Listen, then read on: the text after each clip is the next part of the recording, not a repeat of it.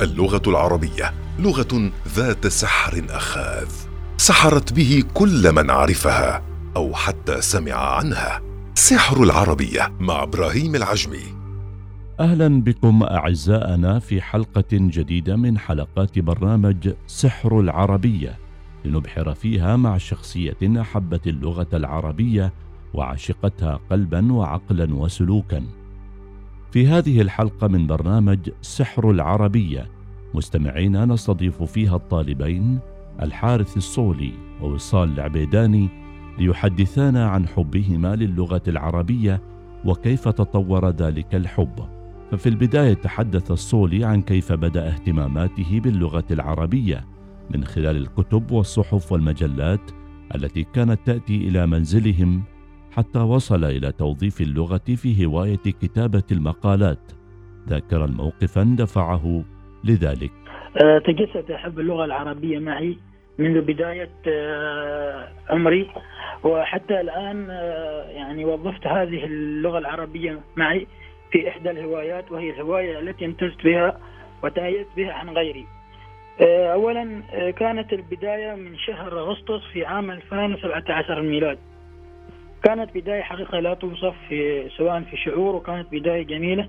وكان كذلك مغامرة يعني ليس لها أي مثيل.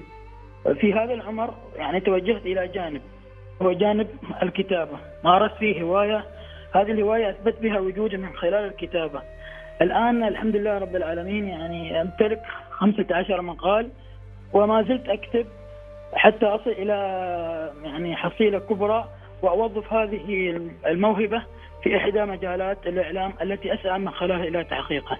تجسد أحب اللغة العربية منذ الصغر من خلال يعني الاقتناء بعض الكتب واشتراء بعض الجرائد اليومية يعني أسبوعيا وكذلك أحضار المجلات يعني سواء مجلات محلية أو يعني أو ما شابه من هذه فما فيعني كاد بدا التطور من سنة يعني إلى سنة حتى يعني الآن آه، يعني قبل عامين يعني فزاد التطور حتى يعني ملت إلى الكتابة فوظفت هذه يعني القراءة والاطلاع في هذا الجانب. آه، صار موقف آه، هذا الموقف هو الذي يعني صار لي حافز من خلال الكتابة في أحد تطبيقات التواصل الاجتماعي تويتر.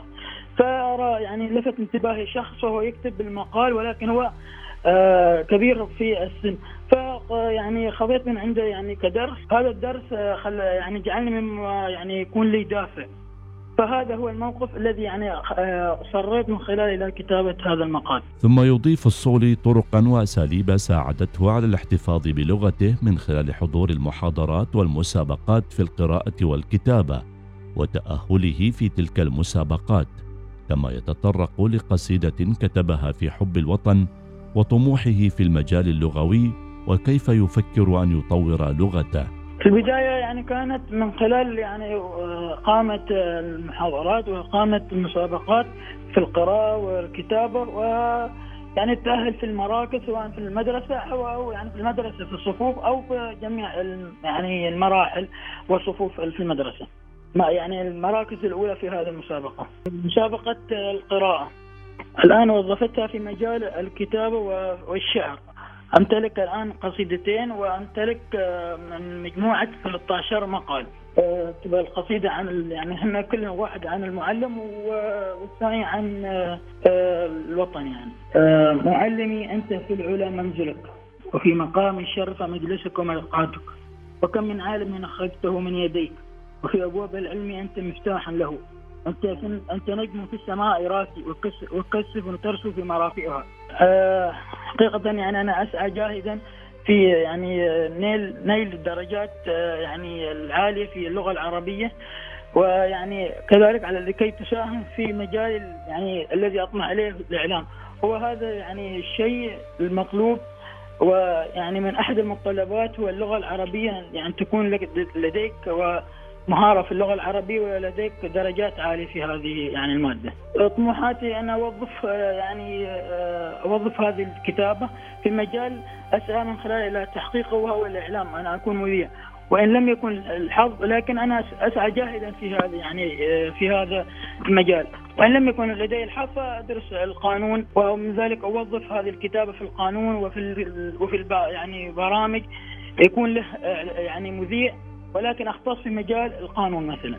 ننتقل في الدقيقتين القادمتين للاستماع للطالبة وصال العبيداني التي تحدثت عن بداياتها مع اللغة العربية وكيف أن معلمة شجعتها وحببتها في اللغة العربية كما أن أمها التي كانت تعمل كمعلمة للغة ذاكرة أين تجد اللغة في حياتها من خلال كتابتها للخواطر والشعر وقراءة القصص والروايات.